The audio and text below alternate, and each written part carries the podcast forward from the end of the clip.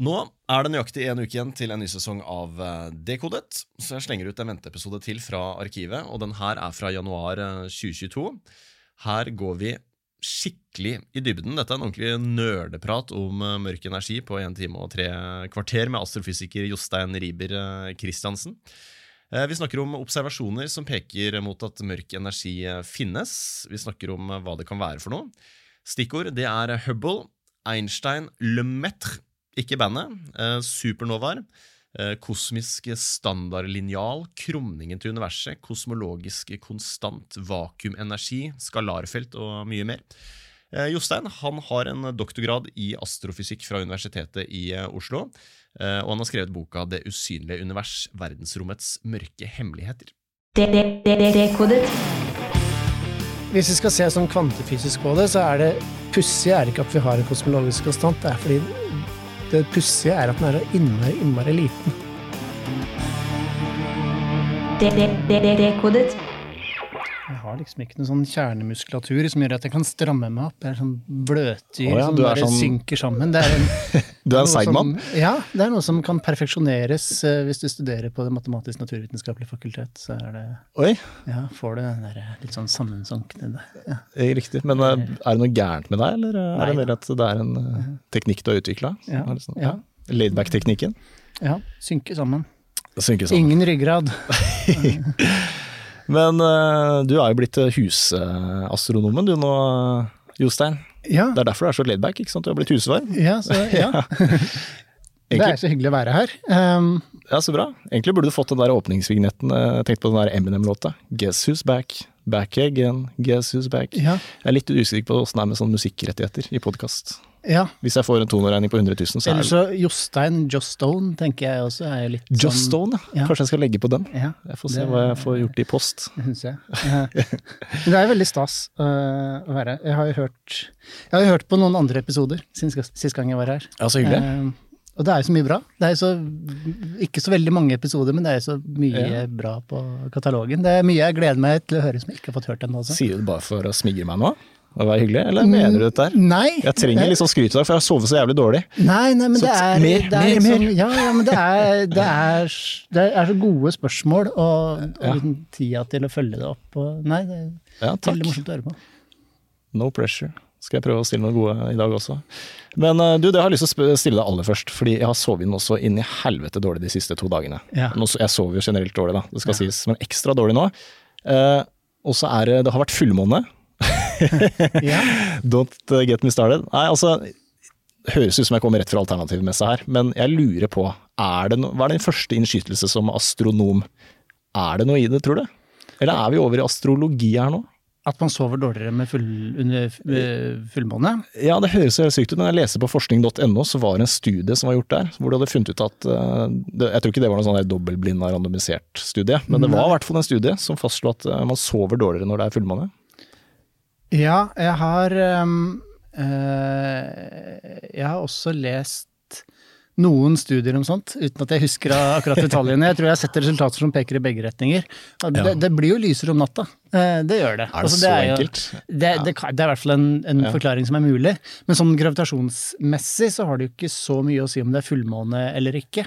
Nei, ok. Eh, det betyr bare at altså, månen er like langt unna jorda uansett, Ja. sånn røftlig. Det er om Det det det. er om, om det er på motsatt side av jorda fra sola, sånn at Ja, det lyser opp hele månen. Ja, for det var det jeg tenkte, at det Ja. kunne ha noe med gravitasjon å gjøre. At den er ekstra sterk og trekker på vannet i kroppen.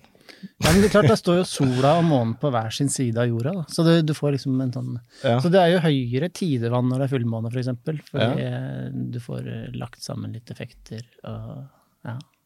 Ja. Men det her burde jo være mulig å måle. Altså jeg tenker på sånn, Nå som folk går rundt på sånne smartklokker som registrerer søvnen, så Ja. kunne man jo samla inn sånn én millioner da, Ja. mennesker. Og så Ja, så det, det blir jo ganske sånn blinde, for jeg tror ikke folk flest veit om det er fullmåne eller ikke lenger. Det er ikke sånn du Nei, jeg er jo litt seig på den, altså. Jeg sjekker jo Ja, kalenderen, men Sikkert i, i steinalderen så var det sånn man hadde full koll på. Nå er det fullmåne, nå er det ikke fullmåne. Men nei. Nei, ikke veit jeg. Mystiske greier. Apropos mystisk, skal vi bare hoppe i det. Mørk eh, energi. Vi kan godt være litt ved månen også, for jeg syns det er et fantastisk eh, himmelobjekt. Men, eh, men vi skal vel litt utover universet. Ja, vi skal enda lenger ut. Ja. mørk, vi hadde jo mørk materie sist. Det var også mystisk, men det var mystisk på en litt annen måte. For da var det liksom, det mystiske der følte jeg at var eh, hvordan eh, materien oppfører seg. At det ikke kunne danne fastere strukturer, at det var gjennomsikt og alt det der. da. Ja, jeg, jeg syns jo mørk energi er hakk opp i mystisitet. Det er det. Ja. Men det er først og fremst fordi vi ikke aner hva det er. ja. Og det, det Ja. Og det er Da, da blir det mystisk. Ja, det gjør jo det. Men åssen eh, oppfører det seg, da, hvis vi begynner der, da? Ja, så mørk energi er noe som virker på seg sjøl og omgivelsene med frastøtende tyngdekrefter. Så vi er vant til at tyngdekrefter alltid er tiltrekkende, og ting detter ned mot jorda. Eh, hvis eh, du hadde vært laget av mørk energi, så ville du ikke sitte her, du ville forsvinne opp. Ja. Vekk fra jorda, blitt dytta vekk fordi du hadde vært utsatt for frastøtende tyngdekrefter. ja. Um, så, så det er jo Det skiller seg fra alt vi er vant til med tyngdekrefter, at de kan være frastøtende. Ehm, men vi kjenner jo til frastøtende magnetiske og elektriske krefter. ikke sant? At, du kan, ja, at magneter kan dyttes vekk fra hverandre. Mm. Så Hvis du har en Brio-togbane for eksempel, og snur vogna rundt, så vil den dyttes vekk fra lokomotivet. Um, de henger sammen med magneter, Ja. fordi de ikke har vokst opp med sånne togbaner.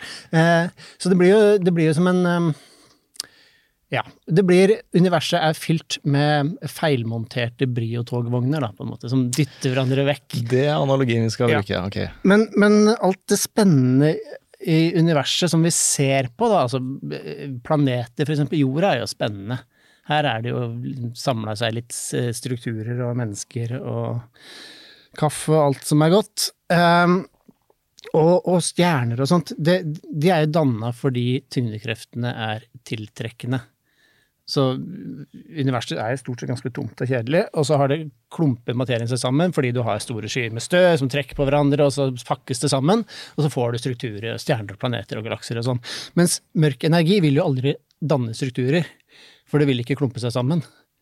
Eh, så, så du kan tenke på det litt som hvis du i, hvis du i universet ser på universet som en stor sånn eh, vet ikke, kantinesal, eh, hvor det er mange flere plasser enn du har arbeidere i bedriften.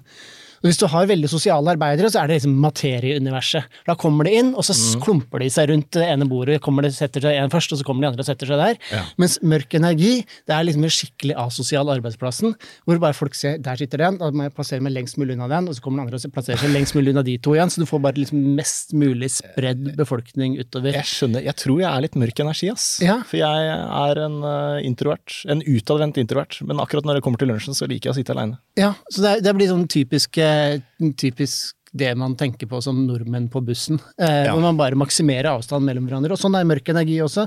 Det ligger i den frastøtende, eh, de frastøtende tyngdekreftenes natur at det ikke vil klumpe seg. Ja. For da får du litt mer et sted, så vil de bare ah, mm, spre seg ut i kantene. Og, og liksom hele tida maksimere avstanden til alt rundt seg. Ja. Så, så det er noe som eh, også da det, det, det har frastøtende tyngdekrefter, og det fører til at det er jevnt utover hele, så du finner ikke en stjerne med mørk energi, eksempel. Så du, du kan liksom ikke studere det på samme måte som du kan med materie.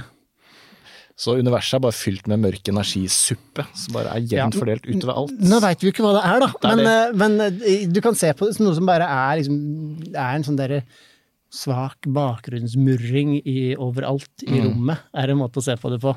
Ja. Eh, og så er det jo Universet er jo stort sett ganske tomt for vanlig materie. Vi er på et veldig lite representativt sted vi er på, når vi er på en jordklode. Men jordkloden er jo Det er et så spesielt sted i det store universet. Hvis jordkloden er på størrelse med et sandkorn, så er jorda en liten appelsin 15 meter unna. Og så er liksom ja, Jupiter er en klinkekule, og så. Og den nærmeste nabostjerna det vil da være, den er litt mindre enn sola. Proxima Centauri er som en valnøtt som da ville vært i Hvis jord, sola er en appelsin her, og jorda er et sandkorn 15 meter unna her, så er Proxima Centauri kanskje en valnøtt i Sahara-ørkenen. Og, og i den sånne avstander ligger stjernene spredd utover. Og det er i Melkeveien, som er en liksom, ganske sånn, tettpakka galakse, og så er det enorme avstander mellom galaksene. Så det er så mye tomrom! Det er så mye tomrom! eh, så, så, så selv om det, det, er lite mørk energi overalt, da, så hvis det er spredd helt jevnt utover, så skal det veldig lite sånn tetthet til før det blir mer av det enn den vanlige materien. Ja, sånn. Eh, så selv om liksom, i rommet her, eller i jordkloden, er veldig, veldig lite mørk energi, Mm. så når det er like mye overalt, så blir det Totalen blir enorm. Totalen blir sånn at vi tror at universet består av ca. 70% mørk energi. Ja. Og så var vi inne på sist gang mørk materie, som er da 25% omtrent. Og så da har vi en 5% med sånn vanlig materie, sånn som du og jeg er lagd av. og sånt. Så Ja. mørk materie var da noe som, noe som veier noe, og som har tiltrekkende tyngdekrefter, men som er, ikke har elektriske ladninger. Mm. Som gjorde at det er helt usynlig og ikke kolliderer med ting og bare kan farte rett gjennom oss og sånt. Men det, det klumper seg jo litt sammen, da, fordi det har tiltrekkende tyngdekrefter. Så 95% av innholdet i universet, det er uh, dette mystiske usynlige som vi fortsatt leter etter. Ja. Det er hovedhypotesen. Standard liksom, bilde av universet. Ja, og før vi prøver å gå inn i hva det kan være for noe, så kan vi jo gå litt tilbake i historien. Og, altså, hvorfor er vi så sikre på at mørk energi eksisterer? Det er vel fordi universet ekspanderer, men hvordan fant vi ut det? Da er det vel vår gode venn Edwin Hubble. Er det et greit sted å starte? Ja, jeg kan jo si med en gang også vi veit ikke om mørk energi eksisterer. Eh, Og vi er der. ja, jeg vil jo si det.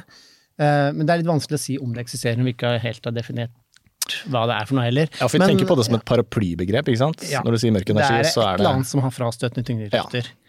Um, og vi tror det må være noe med frastøtende tyngdekrefter der. Um, og det kaller vi mørk energi. Eh, ja, så Edwin Hubble uh, han, eh, han ble ikke oppkalt etter teleskopet, det var omvendt. Uh, han, eh, han var en av de som var viktige der. På, da er vi tilbake på 1920-tallet.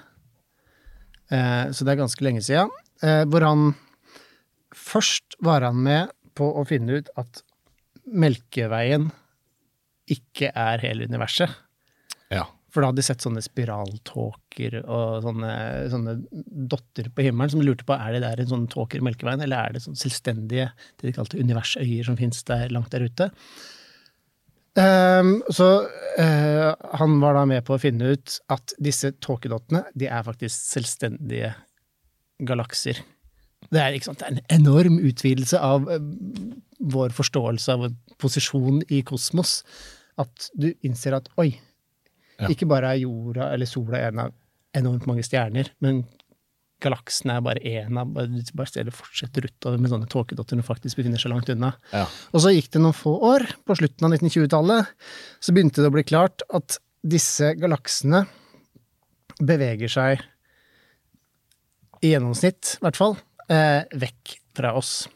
Og jo lenger vekk disse, galaks, disse andre galaksene er, jo lenger vekk de er, jo raskere beveger de seg vekk fra oss. Mhm. Eh, og det danna utgangspunktet, og det her er litt sånn altså Nærmeste nabogalaksen vår, eh, Andromeda, den, kommer, den beveger seg mot oss. Så det er liksom, du må se på litt store skalaer Ja, ja. før du får denne bevegelsen vekk. Um, så, så dette danner utgangspunkt for det som vi kaller Hubbles lov i dag. Den sier at ja, hvis en galakse er dobbelt så langt unna, så beveger den seg dobbelt så fort vekk fra oss. Er den ti ganger så langt unna, så beveger den seg Ja, ti ganger så raskt vekk fra oss. ja. Eh, så alt beveger seg vekk fra hverandre. Blir det eksponentielt? Eh, hva, hva da? Nei, altså det at det, hvis den er ti ganger så langt unna, så beveger den seg ti ganger så fort. Det blir lineært. Det blir lineært, da. Ja. Um, så, Jeg skylder på fullmånen. Uh, ja. uh, ja, så det er, det er sånn enkel eh, Så ah, hastigheten beveger seg vekk fra hverandre, er da avstanden ganger med et, eh, en, et tall som kalles Hubbles konstant. Hubble-konstanten Skjønner, det. ja. Um, eh, og, og det er jo også spektakulært, fordi det, det forteller oss, hvis du spoler filmen bakover, så vil jo alt ha vært tettere samla tidligere. Det som var veldig langt unna, har kommet enda nærmere oss. Og så spoler du bare den filmen bakover, så kommer du til et punkt hvor alt var samla. Og det er det som vi kaller Big Bang-modellen. Rett og slett. Ja. Og da er vi over på Je m'appelle eh, Le maître. Ja, ja. De snakker fransk i Belgia, gjør de ikke? Eh, jo, i hvert fall Le Lemetre var nok eh, Du som jobber i leksikon. Og, ja, ja. ja, leksikonet stammer jo også fra Frankrike. De Gjør det Ja, ja. Encyclopedia? Opplysningstiden, eh, første encyklopedien, ja. ja. Encyklopedi. Je Ja. m'appelle Le Metre. Uh, ja, fordi, Belgisk prest. Ja. Eh, vi, har, vi kommer litt inn på Einstein her også. Uh, fader, dette blir Ja. en gøy reise. Ja. Eh, jeg vet ikke hvor vi skal starte hen, Ja. Nei, altså Uh, Einstein kommer først her. ja, Du vil begynne med han, ja? Det Ja, men eh, Ja, ta Einstein, da, hvis du er gira på det. Hopp i det. Jeg skal jo forresten ha Øyvind, altså professor emeritus Øyvind Grønn. Ja. Skal snakke om den spesielle og den generelle relativitetsteorien Ja. om en måneds tid. Han har skrevet om det i Store norsk leksikon også. ja, da tror jeg jeg får kjørt meg. Men kan du varme opp med Ja, fordi Lemetter, det var jo også det han brukte, var den eh, generelle relativitetsteorien. Eh, altså, Lemetter kan regnes som Big Bang-teoriens far, på en måte.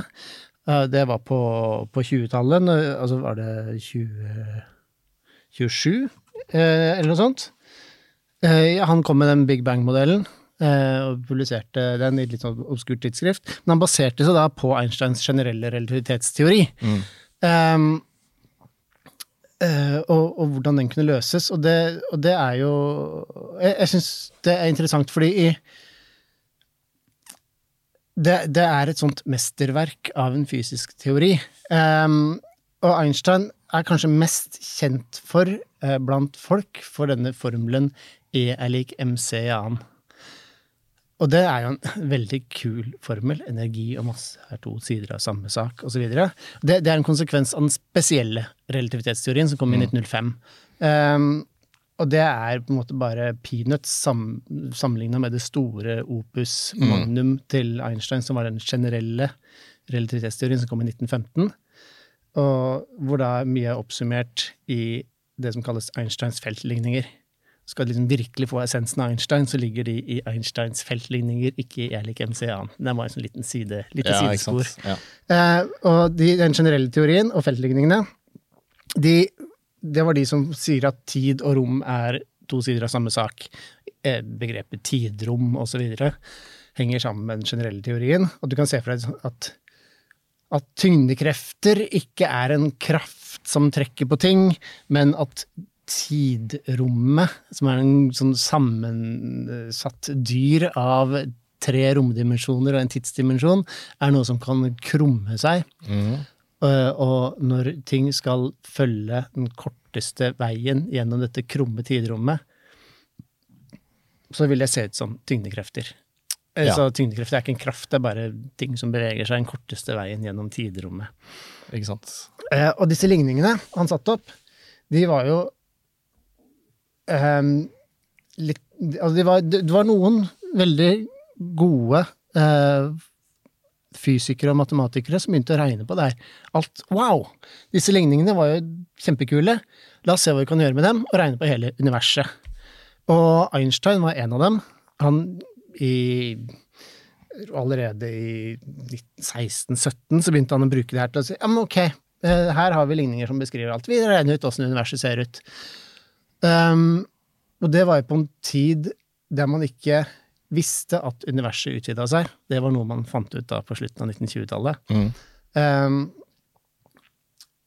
og han fant i de ligningene sine at at det var litt vanskelig å lage et univers som var statisk, altså som ikke trakk seg sammen eller utvida seg. Fordi man trodde jo da, og selv Einstein, som var kjent for å være mest sånn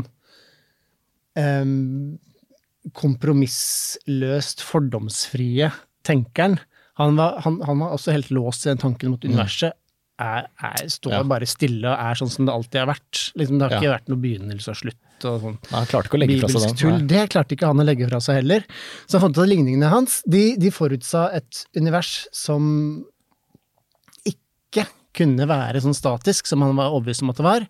Da innførte han en sånn liten, en liten tweak. Lite trick. Ja, et lite, ja, et lite triks hvor han satte inn et lite tall, en konstant, som vi sikkert skal komme tilbake til, mm. i ligningene. bare for å liksom redde dette universet som skulle da være statisk. Det var, Mm. var mye feil med den tingen han gjorde da, og han, han var ganske misfornøyd med det etterpå, for da kunne han hatt muligheten. Hadde han tatt liksom den konsekvensen av det han gjorde, fullt ut, og teorien sin, og ikke begynt å tweake inn tall pga. sine egne fordommer, så kunne han forutsagt da, ti år før det ble oppdaga, mm. at universet enten trekker seg sammen eller utvider seg, at det er en dynamisk størrelse, at det ikke Ja. er statisk. Og det ville jo vært en fantastisk forutsigelse. Altså, Man kunne bli Ja. berømt. Han kunne til og med blitt kjendis, Ja, han, han, han kunne blitt kjendis. Det skusla han bort der. Nå er det bare en Ja. Han oppdager jo noe ganske mye annet kult, da. Ja, han, han gjorde det. Han fikk jo en viss kjendisstatus eh, uansett. Um, men Lemetter tok ligningene til Einstein eh, mer på alvor enn Einstein gjorde sjøl, og, og lagde da en modell eh, hvor Big Bang inngår. eh, hvor han bruker Einsteins ligninger til å beskrive eh, universet, eh, som da har starta en gang og vokst på den måten som stemmer veldig bra med de observasjonene som Hubble og flere gjorde på slutten av 1920-tallet. Ja. Og det her kom da Lemetter med før de, ja, Han publiserte det, men den publikasjonen ble nesten ikke lest av noen. og sånt. Nei. Men han var da ute og, og hadde, en, hadde en universmodell som beskrev dette ekspanderende universet med Einsteins ligninger. Ja. Så han, Ja. han tok eh, observasjonene til Hubble og putta det inn i Einstein sine ligninger, feltligninger, Ja. og kom opp med denne modellen for et ekspanderende univers. Ja. Og så, og så viser det seg da at eh, Hubble observerer eh, at ting beveger seg vekk fra hverandre, og det passer da veldig fint med Lemetters modell. Fordi Hubble sjøl, han reflekterte ikke rundt det her om dette var for I hans hode så var vel dette et eh, univers med en endelig størrelse, så han så for seg at eh, disse galaksene bevegde seg At det var selve galaksene som bevegde seg bort fra oss. Ja, eller han gjorde det også, så vidt jeg veit, var han veldig forsiktig med å tolke resultatene sine. Ja. Han målte og beskrev hva han fant, og uten å legge så innmari mye Klassisk labrotte. Jepp. Så han, han var, nok klar på den arbeidsdelinga der. Um, Ja. For så det- da, så da, da hadde vi et univers som utvida seg. Og det, det har man da Det har blitt værende siden. Du hadde lenge, fram til ja, 60-tallet, og vært spesielt midt på 60-tallet og helt inn på 90-tallet, hadde også modeller uten Big Bang, som var, mange som uh, var forkjempere for. Um, og det høres litt rart ut hvis du ser at alt beveger seg vekk fra hverandre. Så kan du tenke deg, når du spoler filmen tilbake, så ville alt ha vært samla en gang. Men du hadde en, en, en gruppe, eh, spesielt eh, britiske kosmologer, kosmologer ja, som forsker på universet, eh, en som het Fred Hoyle, eh, som var for, forkjemper for noe som eh, kalles steady state-modellen. Eh, hvor da universet eh, det, det er sånn som det alltid har vært. Mm. Eh, og det er litt rart når det ut, ser ut til å utvide seg hele tida. Men eh, Steady State-folka sin løsning på det var at det hele tida genererer, det oppstår ny materie. Ja. Så bare alt beveger seg vekk fra hverandre, og så oppstår ny materie, så oppstår nye ting som kan bevege seg vekk fra hverandre. Så du får bare sånn derre ja. Tom trom er en kilde til ny materie, så dannes nye galakser, og så beveger det seg vekk. Og sånn. Så du, du trenger ikke noe start, bare det sånn evig Ikke helt ulikt den kosmologiske konstanten, som vi kommer tilbake til, kanskje? Nei, nei fordi det er Ja, det, det, det, det ligner litt. Eh, med, med ting som, som oppstår Ja. eh, og fyller rommet. Eh, men så kom det observasjoner seinere. Eh, vi, vi har i dag sett stråling som kommer fra like etter Big Bang, for eksempel, som er Som stemmer så godt med på, på så detaljnivå med det som forutsies av denne Big Bang-modellen, at universet var tettpakka, og det var veldig varmt og sånt før de første galaksene ble danna. Eh, og vi ser stråling fra det i dag, eh, og vi har mange andre ting som gjør at det, den steady state-modellen er fullstendig forlatt. Ja. Det er ingen som tror på det lenger. Nei. Så Big Bang har, eh, har vunnet fram, og siden midt, midt på 90-tallet, og altså egentlig siden 60-70-tallet, men spesielt siden 90-tallet, så er det Den er, den er død og begravet. Den er død og begravet. Big Bang har skjedd, Ja. kan vi slå fast. Og så var det vel oppdagelsen av den kosmiske mikrobølgebakgrunnsstrålingen som var skikkelig spikeren i kista for Steady State. da. Ja, Den blei oppdaga på 60-tallet, men ble Ja. først liksom oppdaga studert i detalj på 90-tallet, hvor man virkelig kunne virkelig kunne bruke den til å bekrefte enda mer av det man Mm. trodde hadde skjedd under Big Bang. Så det er da stråling som ble danna 380 000 år etter Big Bang. Mm. Det er veldig, veldig lite. Universet er ca. 14 milliarder år gammelt, så 380 000 år er jo mye mindre enn en million år. eh, Så det er jo veldig tidlig i universets historie, da universet var bare sånn varm suppe i starten, og det var så varmt at eh, protoner og nøytroner og elektroner de, de kunne ikke Vanligvis har du proton og et elektron, som er to sånne små partikler. Så vil de koble seg sammen og danne det enkleste av alle atomene, som heter hydrogen. Jeg holdt på å si helium, og takk skal, for at Ja. du redda meg. Men, Men har du, har du, har du to protoner to elektroner, så kan du få helium. Um, uh, og, de, og de vil være en de vil, Hydrogengass og heliumgass er bare gjennomsiktig uh, gass. Uh, men det var så varmt da at hvis, hadde, hvis det var noen som prøvde et elektron og proton som prøvde å lage hydrogen, så var det et annet elektron og proton som prøvde å lage hydrogen, og noen som prøvde å lage helium osv. Så, videre. så det så, når det er så varmt, så beveger ting seg enormt fort, for de krasjer inn i hverandre, og de krasjer inn så fort at ting bare slås i filler hele tida. At det var for varmt til at atomer kunne lages, for ble de lagd, så ble det bare slått i filler av andre eh, partikler som fantes. Og da har du en sånn suppe av elektroner, og elektroner eh, de har, eh, det kalles et plasma, og sånne elektrisk ladde partikler som elektroner som får flyte fritt rundt, de har den egenskapen at de fanger opp elektromagnetisk stråling, blant annet lys. Så de, det var en sånn fullstendig ugjennomsiktig plasmasuppe. Så etter 380 000 år så blei det kaldt nok i universet til at du kunne lage disse atomene, hydrogen og helium og sånt, og krasja det inn i hverandre, så blei ble det så slappe kollisjoner at de kunne ikke ødelegge hverandre mer. Da fikk du ikke alle disse frie elektronene som farta rundt og stoppa og fanga opp stråling. Og så fikk du ganske sånn Plutselig blei universet gjennomsiktig. Sånn urtåka etter Big Bang letta. Og den, den strålinga har da fart og, da, og Big Bang er ikke en sånn eksplosjon som skjedde ett sted, det er en, noe som skjedde overalt samtidig. Eh, og fra alle da kanter av universet har denne strålingen som hadde krasja inn rundt i sånne frie elektroner, kunne den reise fritt gjennom universet og bare oi, av gårde. Og den strålinga fra Big Bang, den fins overalt i universet, og den treffer oss hele tida. Mm.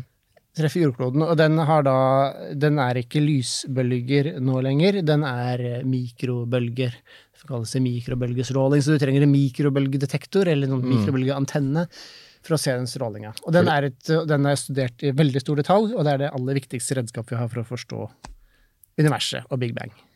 Ja, og den er blitt mikrobølger fordi rommet har ekspandert, sånn at Ja. bølgene har strukket seg ut. Så de bølgene var sånn infrarød, synlig lys. Det er da Mikrobølger er veldig Det er litt pussig, det heter mikro, det høres veldig litt ut, men det er veldig lange bølger. Ja, det er radiobølger. Det er radiobølger, og radiobølger er veldig lange bølger. Eh, så nå er det vel uff, Hva er bølgelengden på de som treffer? Det er liksom noen centimeter. Men synlig lys, det er sånn Da prater vi om mikrometer, nanometer, hvor lang en sånn bølge er.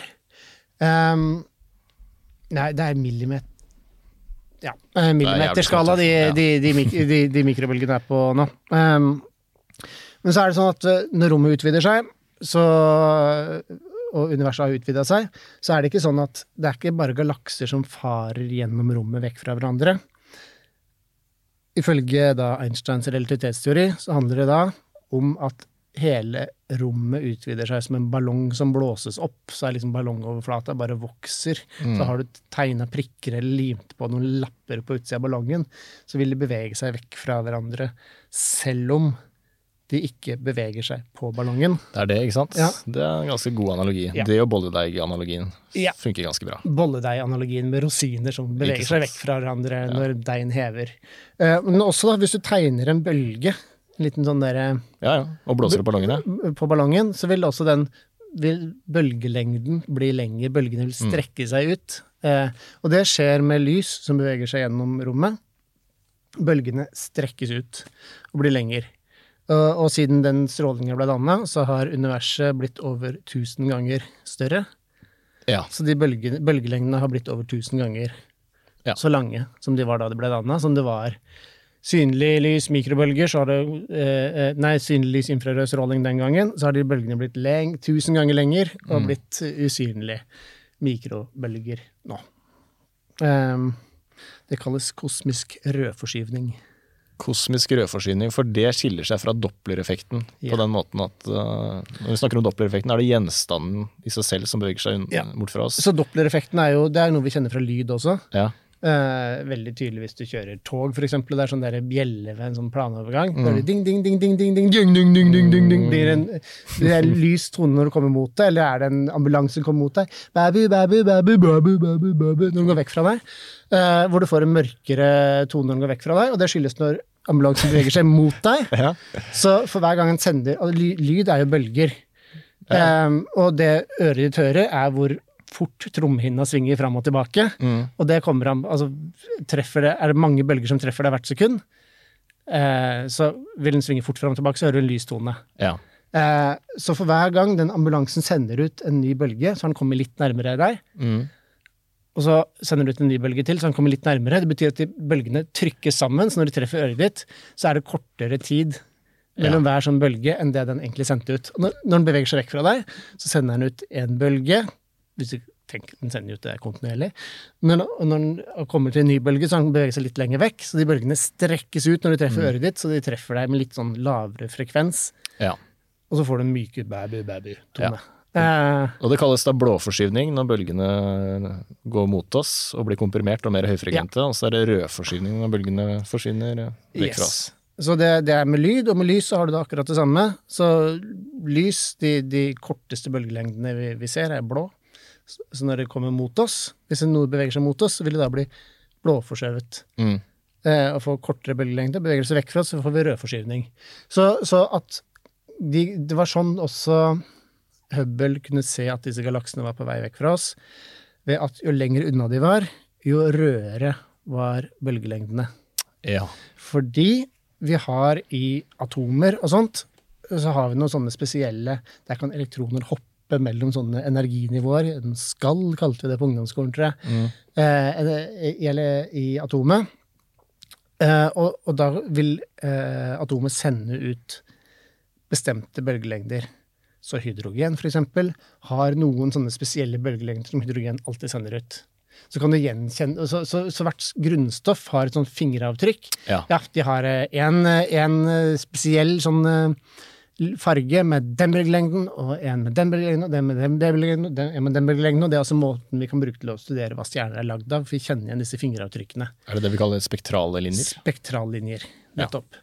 Disse spektrallinjene er, er i sånne mønster, så hvis noe beveger seg vekk fra oss, så vil alle disse spektrallinjene være rødforskjøvet. Så alle, du vil kjenne, gjenkjenne samme mønsteret, men alle vil ha litt lengre bølgelengde, litt mot det røde delen av fargespekteret. Ikke sant?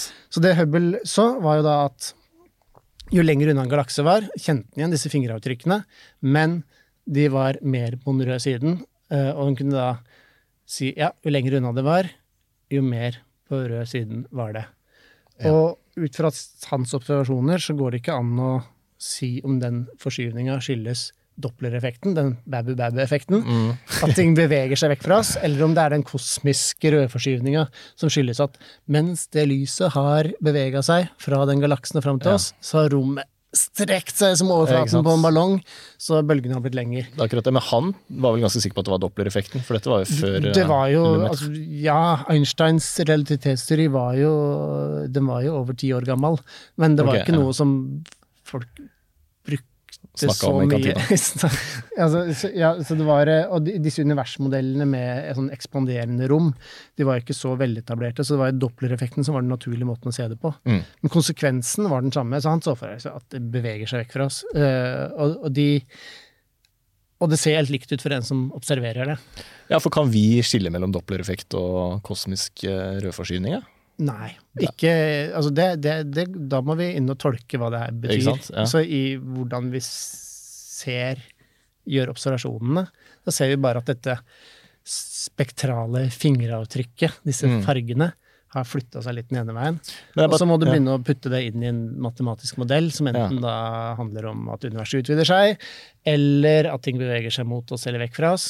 Men kan det ikke skyldes begge deler samtidig? Jo. Så jeg tenker Selv om det er rommet som utvider seg, så er det jo, så vil, så er det jo sånn at galaksen også beveger seg bort fra oss. Det så du vil jo både ha dopplereffekt og kosmisk rødforsyning. Ja, og de galaksene altså Du kan se for deg denne ballongen igjen. Når du blåser den opp, så beveger alle disse galaksene seg vekk fra hverandre når ballongen blåses opp. Men i tillegg, disse galaksene står ikke stille. Jeg nevnte at Andromeda-galaksen kommer mot oss.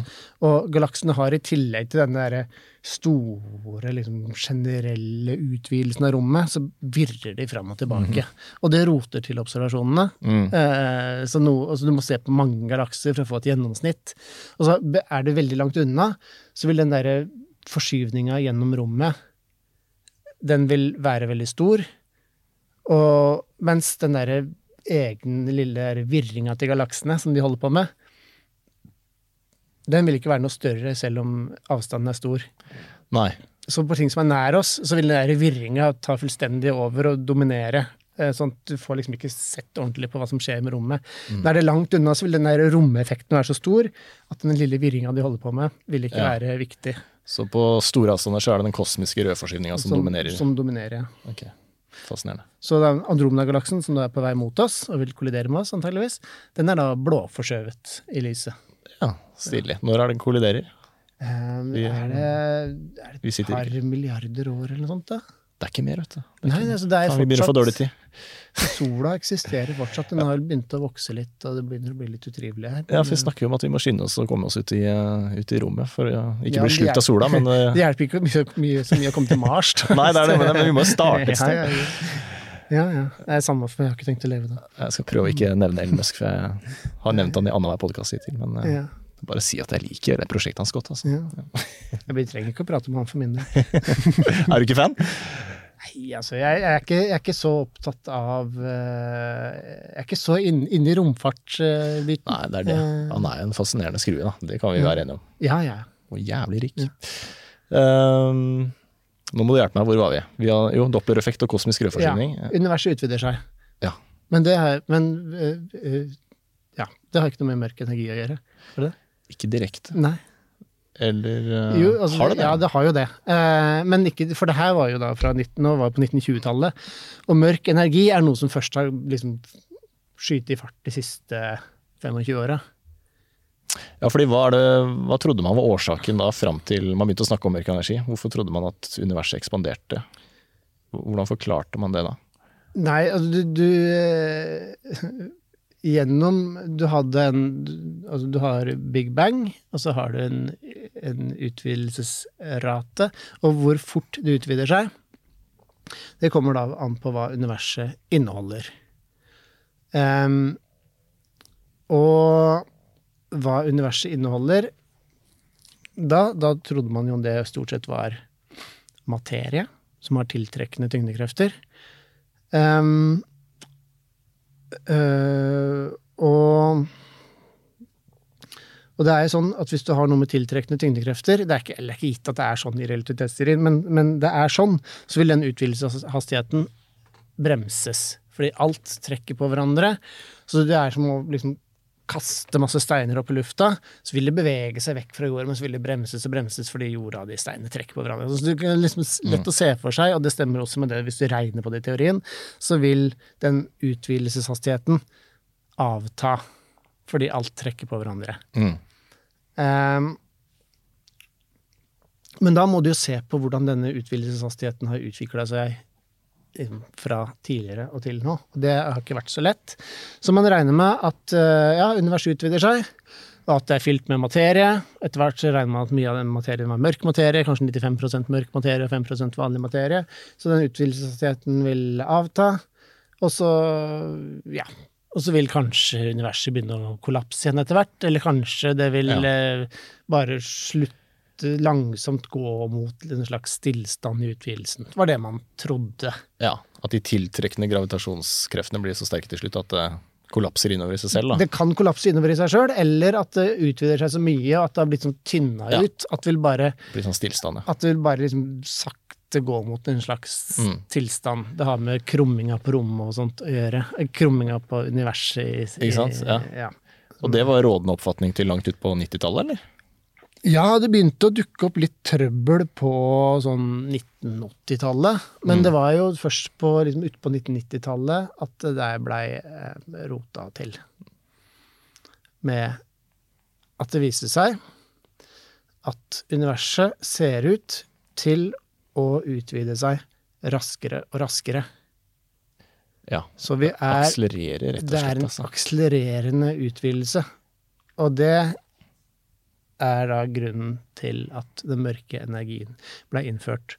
Så vi har et univers da som eh, isteden Altså det er fylt med masse stæsj. Og så utvider det seg raskere og raskere. Og, og vi veit at det finnes masse materie som trekker på hverandre og prøver å bremse det her. Men når det likevel ser ut til å utvide seg raskere og raskere, så må det skyldes at det er enda mer av noe som dytter det vekk. Det er akkurat det. Ja. Så, så det må være noe som dytter det vekk, og som fører til at du har en sånn akselererende utvidelse av universet, og det må være mer av det enn det er av den tiltrekkende eh, materien. Og det, dette, dette noe som da får det til å akselerere utvidelsen og dytte ting vekk fra hverandre, sånn at det bare øker utvidelseshastigheten, eh, det er det vi kaller mørk energi. Og vi vet ikke hva det er. Og vi aner ikke hva det er. Nei. Ok, Skal jeg bare ta deg inn på et kort sidespor før vi går videre? Ja. Fordi eh, universet ekspanderer og akselererer Ja. uh, linært og ikke eksponentielt. Eh, eller vet vi kanskje ikke det? Ja, altså den Jo, altså det, det som Det Hubble så, Ja. var han så på veldig altså Når vi har sett den mørke energien så har vi sett på enorme avstander sammenligna med det Hubble så på. Han så på ganske nær, nære galakser og sånt. Nå har vi sett på ting som er mye, mye, mye lenger unna. Så det han så, var liksom det som var nært oss. Så hans, den Hubbles lov, den, den, den er sikkert noen som har vært borti, for det er sånn man, i hvert fall i min tid, lærte om på, i fysikk på videregående skole. ja, ikke sant? Um, er en lineær lov. Er det noe dobbelt så langt unna, så går det dobbelt så fort. Mm. Um, når man har sett på ting som er lenger unna, som man har uh, når man har sett at universet utvider seg raskere og raskere, så har man da sett at ja, men det er ikke en lineær lov, det er en, ja, en eksponentiell lov. Så okay, det går ja. eksponentielt raskere, uh, ser det ut som. Og da er det jo spennende hvor fort kan det her gå? Fordi det sies jo at uh, det er ingenting som kan gå raskere enn lysets hastighet, men det er jo feil, for rommet Ja. ekspanderer vel raskere enn hastigheten til lyset. Gjør det ikke det? Jo. Så det Og vil det stoppe noen gang, eller vil det bare gå fortere og fortere inn i evigheten? Ja, det kan vi svare på når vi, hvis vi veit hva mørk energi er for noe. ok, Skal vi ta og hente opp igjen på slutten, da, kanskje?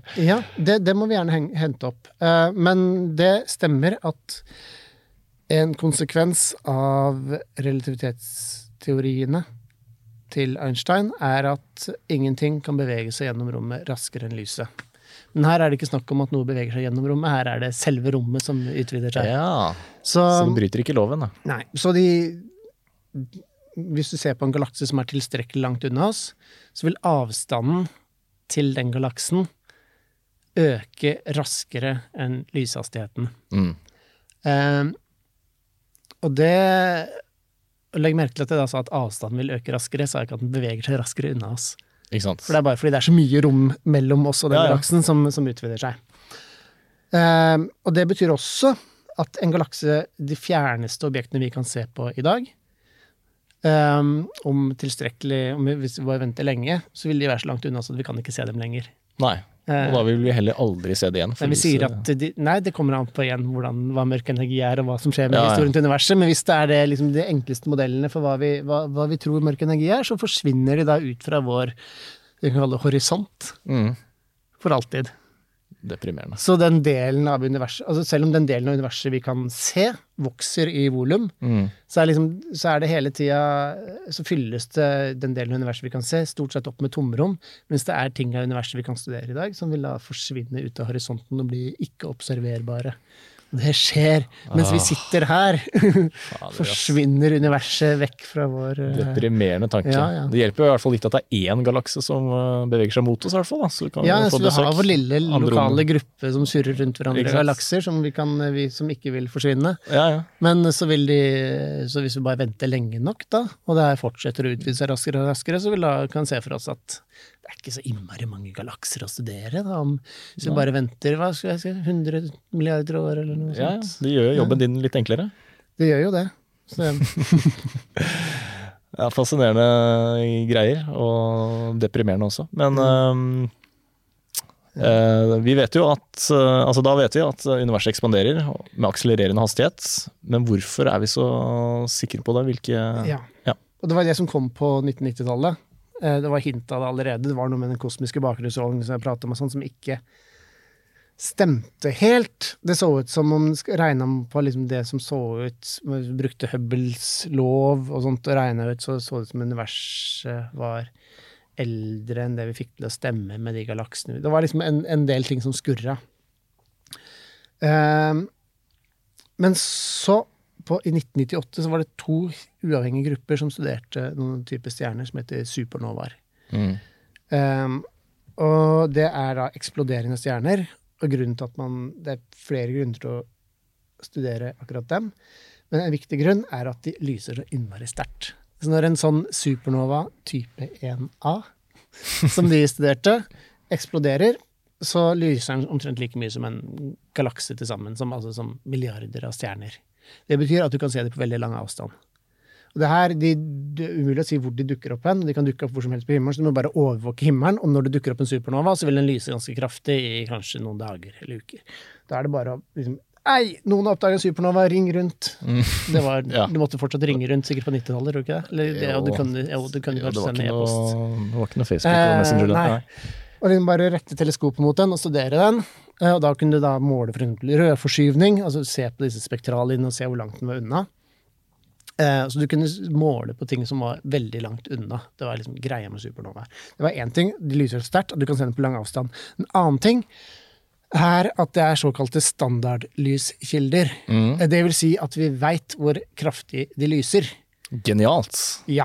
Det, Veit du at du har en Hvis du, noen, en kompis er på fjellet og har en lom, huelykt som du veit lyser med 100 lumen, Mm. Så er den veldig nærme deg, så kommer det veldig Er det vondt med det lyset i øyet? Er den langt unna, så Mm. blir det svakere og svakere og svakere. Så hvis du veit at det er 100 lumen, Ja. og så kan du måle hvor mye lys som treffer deg, så kan du regne ut hvor langt unna han er. Ja. det Eh. Ja. Så på samme måte som eh, kefider, for de som hørte den andre episoden. ikke sant? Ja. Akkurat det samme, bare at supernova lyser mye sterkere, så du kan se Mm. den på større avstand. Det var Ja. også en sånn stjerne du kjenner lysstyrken til.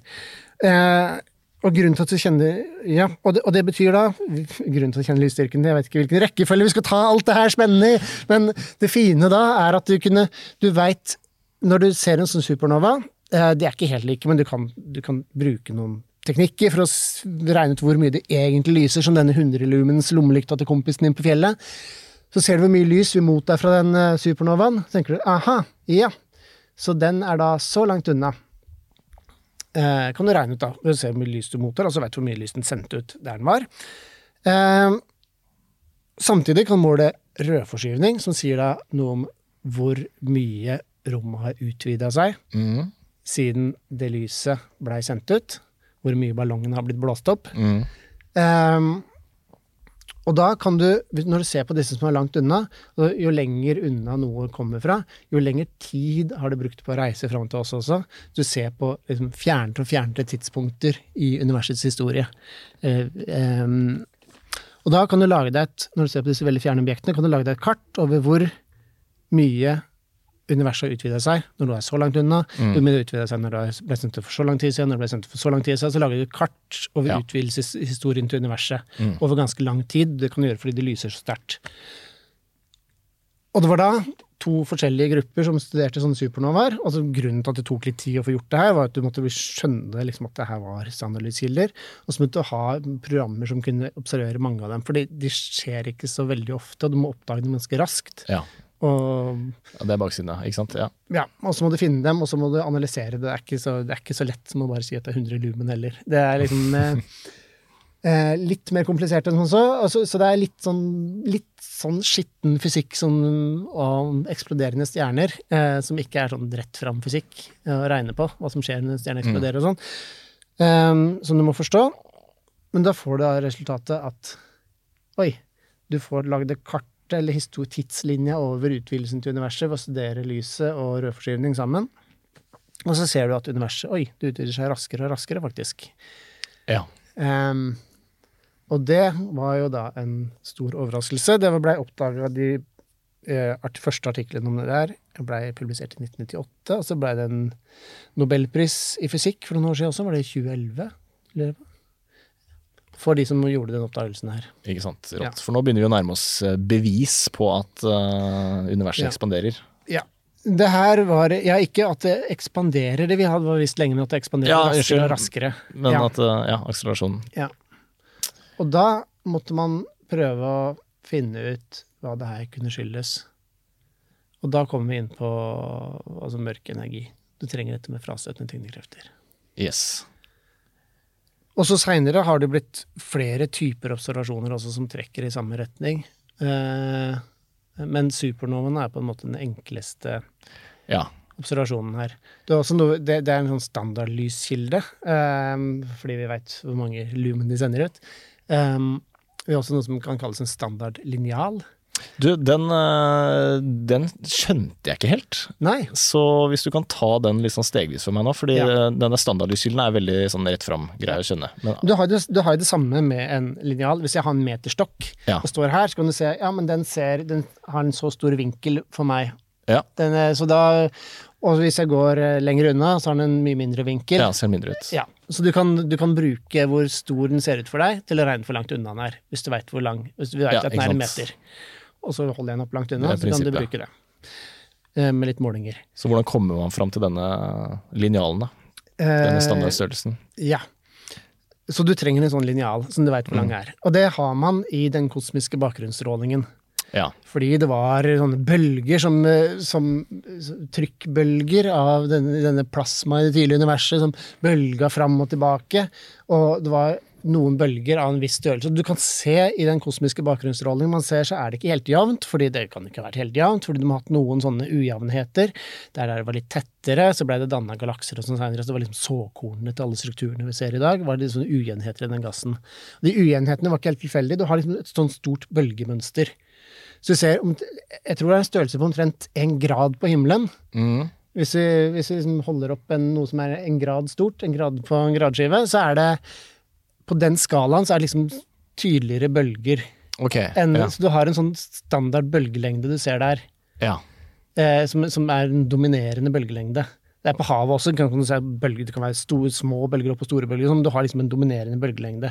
Okay. Og det samme hvis du ser på den bakgrunnsstrålinga, men veldig detaljert, så er det bitte små bølgestrukturer i den, og du har en sånn bølgelengde som Ja. tilsvarer én grad på himmelen omtrent, okay. som dominerer der. Og den bølgelengden er en standardlinjal. Fordi dette var da såkornene til alt vi så seinere, så der det var litt tettere gass, begynte når universet vokste og ble eldre, så begynte der det var tettere å trekke sammen pga. tyngdekreften, danne galakser og sånn. I dag kan vi studere, vi kan lage sånne kart på himmelen over tusenvis, millioner av galakser. Se hvordan de fordeler seg utover. Ja, og så sammenligner man det med bildet av den kosmiske bakgrunnsstrålinga og bølgene der. Og så ser du også at de galaksene de fordeler seg ikke helt jevnt utover. Nei. Du finner igjen den bølgelengden. Mm. Måte at ja, det er klumper som mer, og så litt mindre, og litt mer, Ja. og så finner du igjen den bølgelengden Ja. der. Og så veit du at ja, den bølgelengden er så stor der, så flytter vi mye nærmere oss når det er galakser. Der finner vi igjen den lengden. Og Ja. det er en sånn linjal. Du kan, ah, eh, så kan du se ja, nå er den så stor på himmelen, den gangen var den så stor. ja. Så på samme måte som en når jeg løper av gårde på fjellet Ikke eh, med den eh, meterstokken. Du kan regne ut hvor langt de er unna. Kan vi regne, okay. ja, de galaksene er så langt unna fordi den linjalen ser så stor ut, og så kan vi samtidig måle rødforskyvninga til de galaksene, altså hvor mye rommet har strekt seg. Ja. Du kan gjøre på en måte det samme som med supernovaene. Nettopp. Men du må bruke statistikk, da. Du må måle på Ja. enorme mengder galakser. Mange tusen, gjerne flere. Eh, for å få til det der. Så det er mer matematikk, så det er ikke så rett fram som de supernovaene. Mm. Men samtidig så er det litt mindre litt mindre skittent. Fordi supernovaene kan vi tenke oss at ja, men de som er langt unna, kanskje forholdene i universet var litt annerledes den gangen, sånn at det ikke er en standardlyskilde. Kanskje det Kanskje, det, kanskje det var, de besto av litt andre ting tidlig i universet, derfor lyste de litt svakere eller litt sterkere. Eller kanskje lyset har blitt litt sånn dimma underveis gjennom noen gasskyer på de som er langt unna, at du har liksom ikke Ja. helt kontroll på det her. Mens Den standardlinjalen, den er, eh, den er, litt safere. den er litt safere. Ja. Litt vanskeligere å få liksom helt grep på sånn i huet, men den er safere, for du har, ikke, Mm. Ja. du har, du har fjerna en del av de usikkerhet, usikkerhetskildene. Og, den, eh, og de peker i samme retning, så du kan se liksom på det, Ja. disse bølgemønstrene i galaksene i forskjellig for forskjellig rødforskyvning, og så finner du ut det samme. Universet ser ut til å utvide seg raskere og raskere. man måler det på to ulike måter, og det gir samme svar. Ja, det er Som ofte et nok godt bevis på at det akselererer. Ja. Ok. Ja, jeg skjønte det litt bedre i hvert fall. Og du har mer også. Og jeg har mer òg, vet du. Eh, Kjør på. Ja, Uh, jeg, syns Du Skal vi eh, forresten nevne Euklid når vi snakker om standardlinjal? For er ikke det den, det teleskopet som skal skytes opp for å Jo, måle liksom eh, Ja. rødforsyninga til eh, Der er jo også Universitetet i Oslo tungt inne. Ja. Den, den, det er noe av det den skal gjøre, er å, å hjelpe til å bruke forskjellige målinger av sånn, Den skal måle posisjonen og rødforsyning til millioner av galakser. Mm. Veldig nøyaktig og veldig stort antall, som gjør at vi kan da Og formålet er nettopp å kunne det Ikke bare den teknikken, men også andre eh, teknikker med å studere galakser på forskjellige avstander, og hvordan de er fordelt, og liksom lage enda mer sikkert og mindre slark i målingene Ja, ikke sant. kartet over utvidelsen til universet. Fordi ok, vi ser at universet utvider seg raskere og raskere, det er de aller fleste veldig enige om, at det, det ser vi. Men vi vil gjerne vite akkurat hvordan denne hastigheten øker, Ja. for å forstå mer av hva denne mørke energien kan være for noe. Og der blir Euklid veldig spennende. Europeisk satellitt skytes vel opp, er det neste år da? 2023? Sånt? ja, du ser på meg? Ja, ja, ja, det var du som nevnte den først. Ja, det er sant. Nei, det sto i boka di, så var det derfor Ja. jeg tok den opp. Ja. Men uh, det stemmer sikkert, det, altså. Men sånne oppskytingsdatoer, de har en tendens til å Forskyve seg, De- de, eller rødforskyve seg. Ja, de, de rødforskyver seg veldig. Men jeg, jeg tror det er neste år som er, liksom, er, Ja. er greia nå. Så målet med den er å lage en enda mer presis eh, standardlinjal, da. Kan vi si det på den Ja, måten? eller, ja, eller måle standardlinjalen enda mer nøyaktig. Eller, ja, Ikke sant? ja, noe sånt. Eh, for å få enda mer koll på da akkurat hvordan denne utvidelsen til universet akselererer. Ja. For å da finne ut hva dette mørke energigreiene kan være for noe. Hva er det som får dette til å gå fortere og fortere, og hvordan oppfører det seg? Akkurat. Ja. Nå, eh, nå er vi jo ganske tålmodige her. Vi har ennå ikke kommet til hva eh, mørk energi kan være. Men jeg har lyst til å ta én ting til, og det er dette Det likte jeg veldig godt, da, det beviset på at eh, det må være noe, noe mer enn uh, en bare Gud. Jeg tenkte på Gud, ja. Så jeg har lyst til å liksom introdusere deg for, eh, Det gamle testamentet. Jeg vet ikke om du har lest det, men det er veldig artig eventyr. Starta en gang, ja, jeg også. Eh, nei, jeg tenker på um, Skal jeg prøve å huske tilbake til det du har skrevet. da. Det er ikke alltid det går så bra når man ikke har sovet. Men uh, faen, altså. Nå datt det ut. Det er ikke rart at du ikke har fått sove hvis du har ligget og tenkt på det her, da. Er det den sceneintegrerte Saxe-Wolff-effekten du tenker på? Det er eh, ikke den sceneintegrerte saks, uh, saksofon eh, jeg tenker på. Jeg tenker på eh, at det må, det må være noe mer som fyller eh, rommet enn bare eh, mørk materie og vanlig materie. Eh, for ifølge Einsteins feltligninger så Ja. må det være en kritisk tetthet som kan forklare at universet er eh, flatt, og at det ikke krummer. Det er dit jeg skulle. Ja! Fordi universet er, i hvert fall så vidt vi vet, ut ifra de målingene vi har gjort, så er universet flatt og Ja. ikke krumt. Nå er vi inne på det litt av det som var liksom hinta om at det var noe som skurra før disse supernova-målingene også, Ja. på 90-tallet. Eh, universet må ikke være flatt. Det må ikke være flatt, men, vi tror det er flatt. det. Ja, Ja. Og, det, og at universet er flatt, det er veldig, altså det er veldig merkelig utsagn. Hva betyr det? Mm. At rommet er flatt? Fordi eh, Altså, tanken er da at et tredimensjonalt rom kan krumme seg, og det klarer ikke vi å se for oss i hodene våre, fordi Nei. vi er evolusjonært tilpassa å leve i tre Ja. som ikke krummer seg noe særlig. Og det er ikke bare vanskelig å anskueliggjøre, det er ikke mulig å visualisere det, tror jeg. Nei, du må klare å visualisere en dimensjon til. Jeg har ikke- møtt noen som klarer det, men jeg vil ikke Nei. si at det er umulig. Eh, Nei, nei. Kan hende Einstein fikk det til. Ja. Ja. Vanskelig, i hvert fall. Eh, vanskelig. Um, og dette Ja, og det er noe litt annet enn kromt tiderom. Her er liksom hele universrommet som krummer seg, ikke tiderommet. Um, så, det, så det er um, i disse modellene fra relativitetsteorien som beskriver universet, så kan du da ha universmodeller hvor universet krummer seg. Du kan ha en såkalt positiv krumning. Da vil det krumme seg som en kule, som jordoverflata omtrent. For jeg er vant til at todimensjonalt rom kan krumme seg. Mm. Så, så jordoverflate er en krum overflate. Det merker vi ikke så mye til, fordi eh, du må se over ganske store avstander før du ser at jorda er krum. Noen mener til og med at den er flat. Og det er ikke så rart, fordi Jo, det er litt rart. Jo, det er veldig rart å mene det i dag. Men at man mente det, trodde det for veldig lenge siden, det er ikke Ja. så rart. Um, fordi, det må, fordi den krummer så svakt liksom, på de skalaene vi beveger oss uh, rundt på til daglig.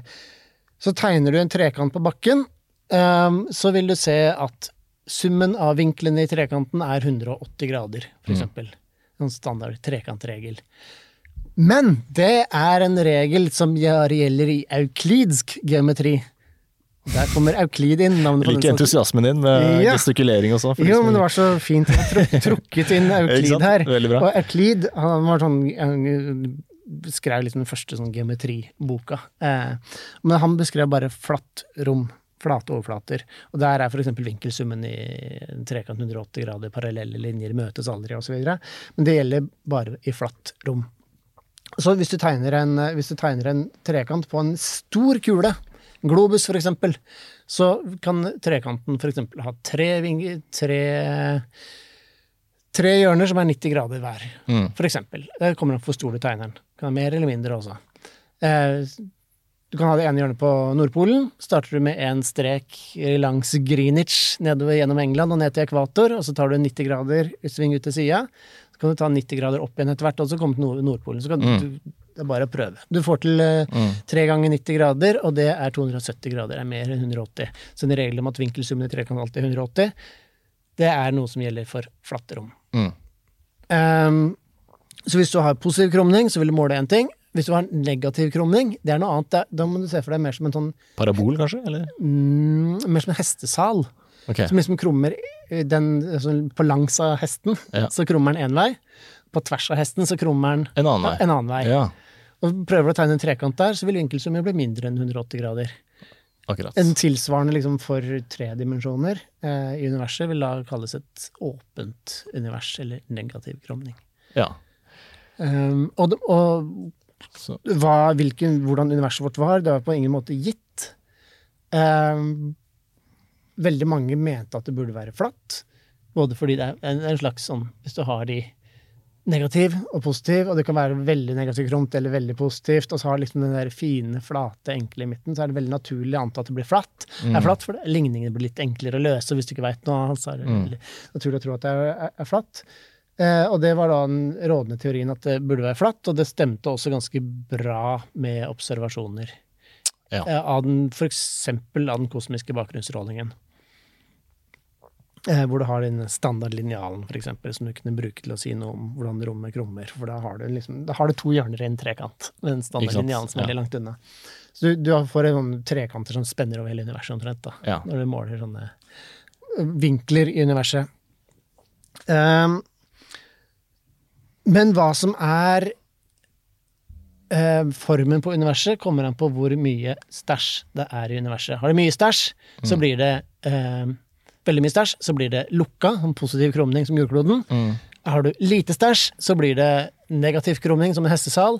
Har du akkurat passe med stæsj, så blir det flatt som en pannekake. ja. Eh, og ting tyda på at det var flatt, og da måtte du ha akkurat passe mye stæsj i universet. ja. Og så så du på hvor mye materie du hadde, ut fra galakser og mørk materie og sånt også. Så var, liksom, det var vanskelig å få det her til å gå opp. Der henger også sammen med den Hubble-konstanten, hvor fort universet vokser, hva, hvor mye det må ha for at det skal være flatt, osv. Så, videre. så det, det, å få det, alt det der til å gå opp var ikke helt lett. Uh, og det har blitt mer og mer tydelig at universet, om det ikke er flatt, så er det i hvert fall veldig nær flatt. Ja. På samme måte som du, hvis du ser på et lite område på jorda, så ser du ikke at jorda krummer seg. Nei. Du må se på et veldig stort område. Så hvis vi ser, det vi kan se på universet, er den delen av universet vi kan observere. Det Ja. observerbare universet, som er så mye vi kan se, fordi lyset ikke har tid til å reise til oss fra lenger utafor. Så vi er, vi er en liten bit av universet vi kan se. Og innafor der så er det bare en sånn Det må være Hvis universet krummer seg som en ball, så er vi bare på en bitte liten del av den ballen, for det er veldig lite krumming å se her. Mm. Så det er en veldig svak krumming i så fall. Så det er så godt som flatt. Ser det ut som. Ja. Og, da, og da trenger vi ting som fyller det opp, Mm. eh, i tillegg til materien, for å gjøre det eh, tilstrekkelig Ja. flatt. Og da mangler det 70 Ja.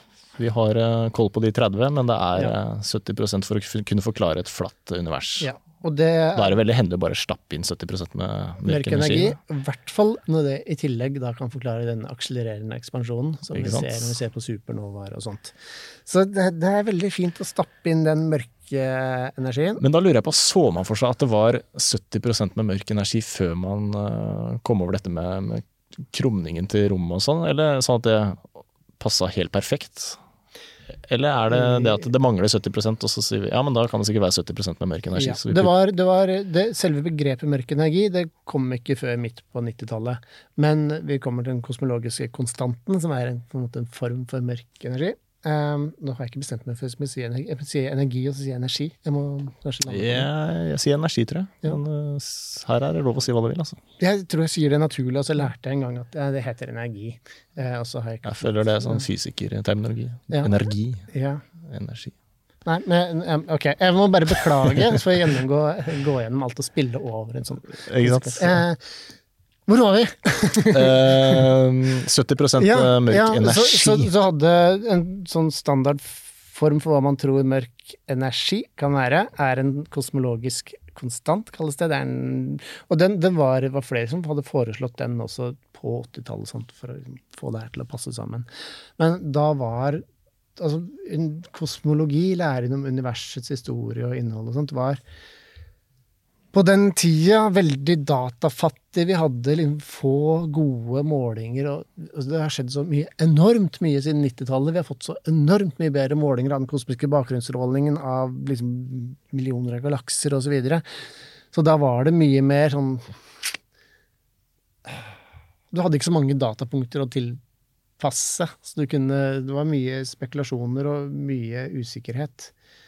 Eh, Men disse teoriene var også framme, men du hadde ikke en så veletablert Nei, ok. eh, sånn konsensusmodell som vi har i dag. Så mørk energi var det, var det var påtenkt også før supernovaene. Litt på grunn av de, disse flathetsargumentene og sånt, ja. Nettopp. Uh, ja, da føler jeg det er på tide at vi dykker ned i det. Hva, hva kan denne mørke energien være for noe? ja. Kosmologisk konstant, føler det er uh... Jeg har, har nevnt det, og det er Kosmologisk konstant er eh, den enkleste modellen for mørk energi. Um, om du kaller det mørk energi, eller om du kaller, ja, det er en definisjonsspørsmål, men eh, det er den enkleste modellen for hvorfor universet utvider seg raskere og raskere. Og observasjonene, de aller fleste observasjonene passer veldig godt med at mørk energi er en kosmologisk konstant. Veit ikke helt hva det er for noe heller. Uh, men så, så liksom i mangel på behov for noe mer komplisert, så er ofte det, det er den enkleste standardmodellen. Så den standardmodellen for hva universet består av i dag, kalles gjerne lambda CDM-modellen, hvor CDM står for cold dark matter, kald mørk materie, eller sånn mørk materie som vi pratet om sist. Og lambda, en stor gresk lambda, det ser ut som en sånn stor A uten strek på tvers. Ja. Eh, det er symbolet for den mørke energien. Eller for den kosmologiske konstanten, mm, Um, som kan være for, for mørk energi. Den kosmologiske konstanten, det var da Den har jeg vært innom på da jeg pratet om Einstein. mm, Han, I 1915 lagde han sin generelle relativitetsteori. 1917 prøvde han å bruke teorien til å beskrive universet, og fant ut at Oi! Ligningene ser ikke ut til å stemme med et univers som er statisk og i ro, sånn som jeg i mitt fordomsfulle hode trodde at universet måtte være. Så derfor puttet han inn et tall, en konstant, i ligningene sine, som gjorde at dette universet istedenfor å kollapse sammen, skulle liksom Balansere perfekt. Balansere det her, og en liten sånn frastøtende dings, som Mm. istedenfor gjør at istedenfor å kollapse, så ville ting holdes i balanse. Men han definerte ikke det tallet, han bare sa at den, den størrelsen er så stor som, som Ja. det trengs for å holde universet den, statisk. Den har på en måte Gud justert, eller ikke, Ja. han, ja, han hadde litt komplisert gudsbilde, men ja, det er et tall som var sånn, det måtte, sånn måtte det Mm. være, for universet var jo selvfølgelig statisk.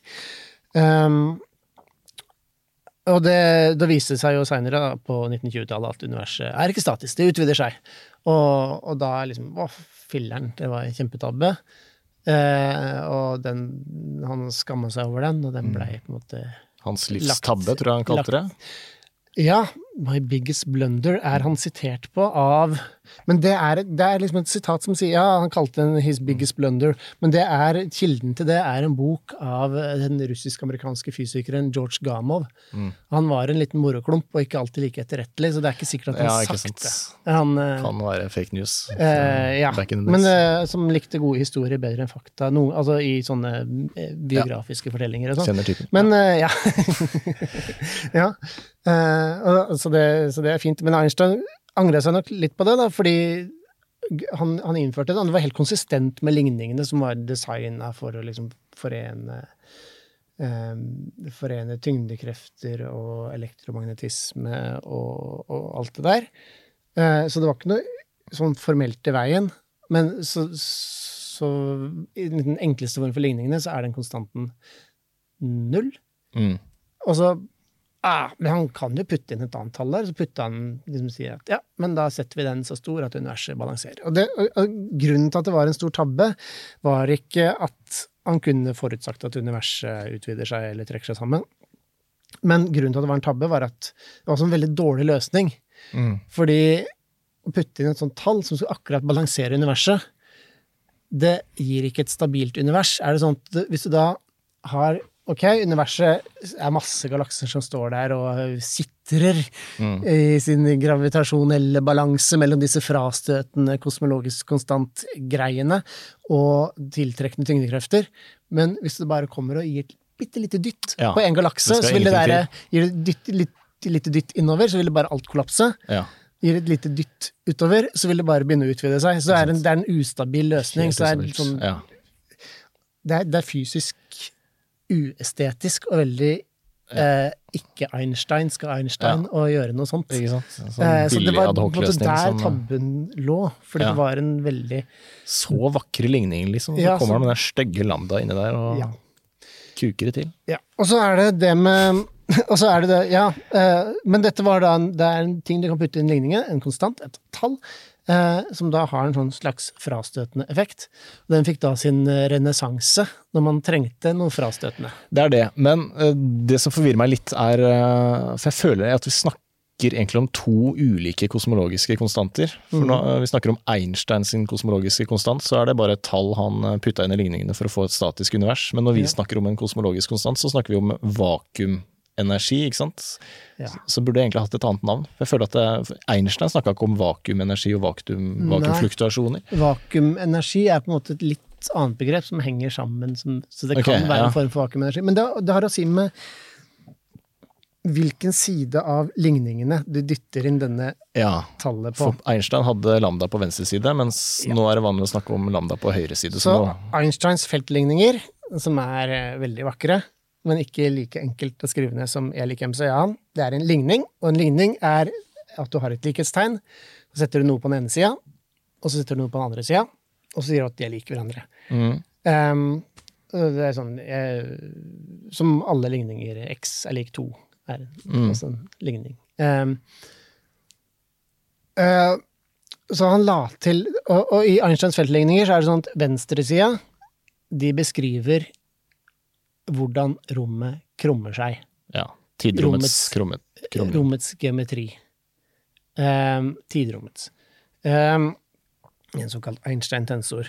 Og så er det et likhetstegn, og på høyre sida så er det en um, pulsenergitensor som beskriver alt som fins i rommet. Mm. Av energi og masse og trykk og forskjellig sånt. Så han sier at den ligninga sier at ja, der, hvis rommet krummer seg på den måten, så betyr det at innholdet er sånn. Og hvis innholdet er sånn, betyr det at rommet krummer seg på den måten. Altså likhet mellom rommets geometri Ja. og, og rommets innhold. Ikke sant? Ene putta på venstre side, andre putta på høyre side. Eh, og så er det sånn at med en ligning, eh, så kan du, om du tar pluss 10 på den ene sida, eller minus 10 på den andre sida, så er det samme greia. Mm. Altså du, Ja, ja. du kan gjøre det samme med begge sider. Um, Eh, eh, og du vil få samme effekt, så du kan legge til det samme på begge sider og trekke fra det samme på begge sider, osv. Så, videre. så han putta inn den konstanten sin for å balansere universet på venstre side. Den som beskriver hvordan rommet, tidrommet krummer seg. Mm. Så han sa at ja, så det her er bare en konstant påvirkning på krumminga til tiderommet.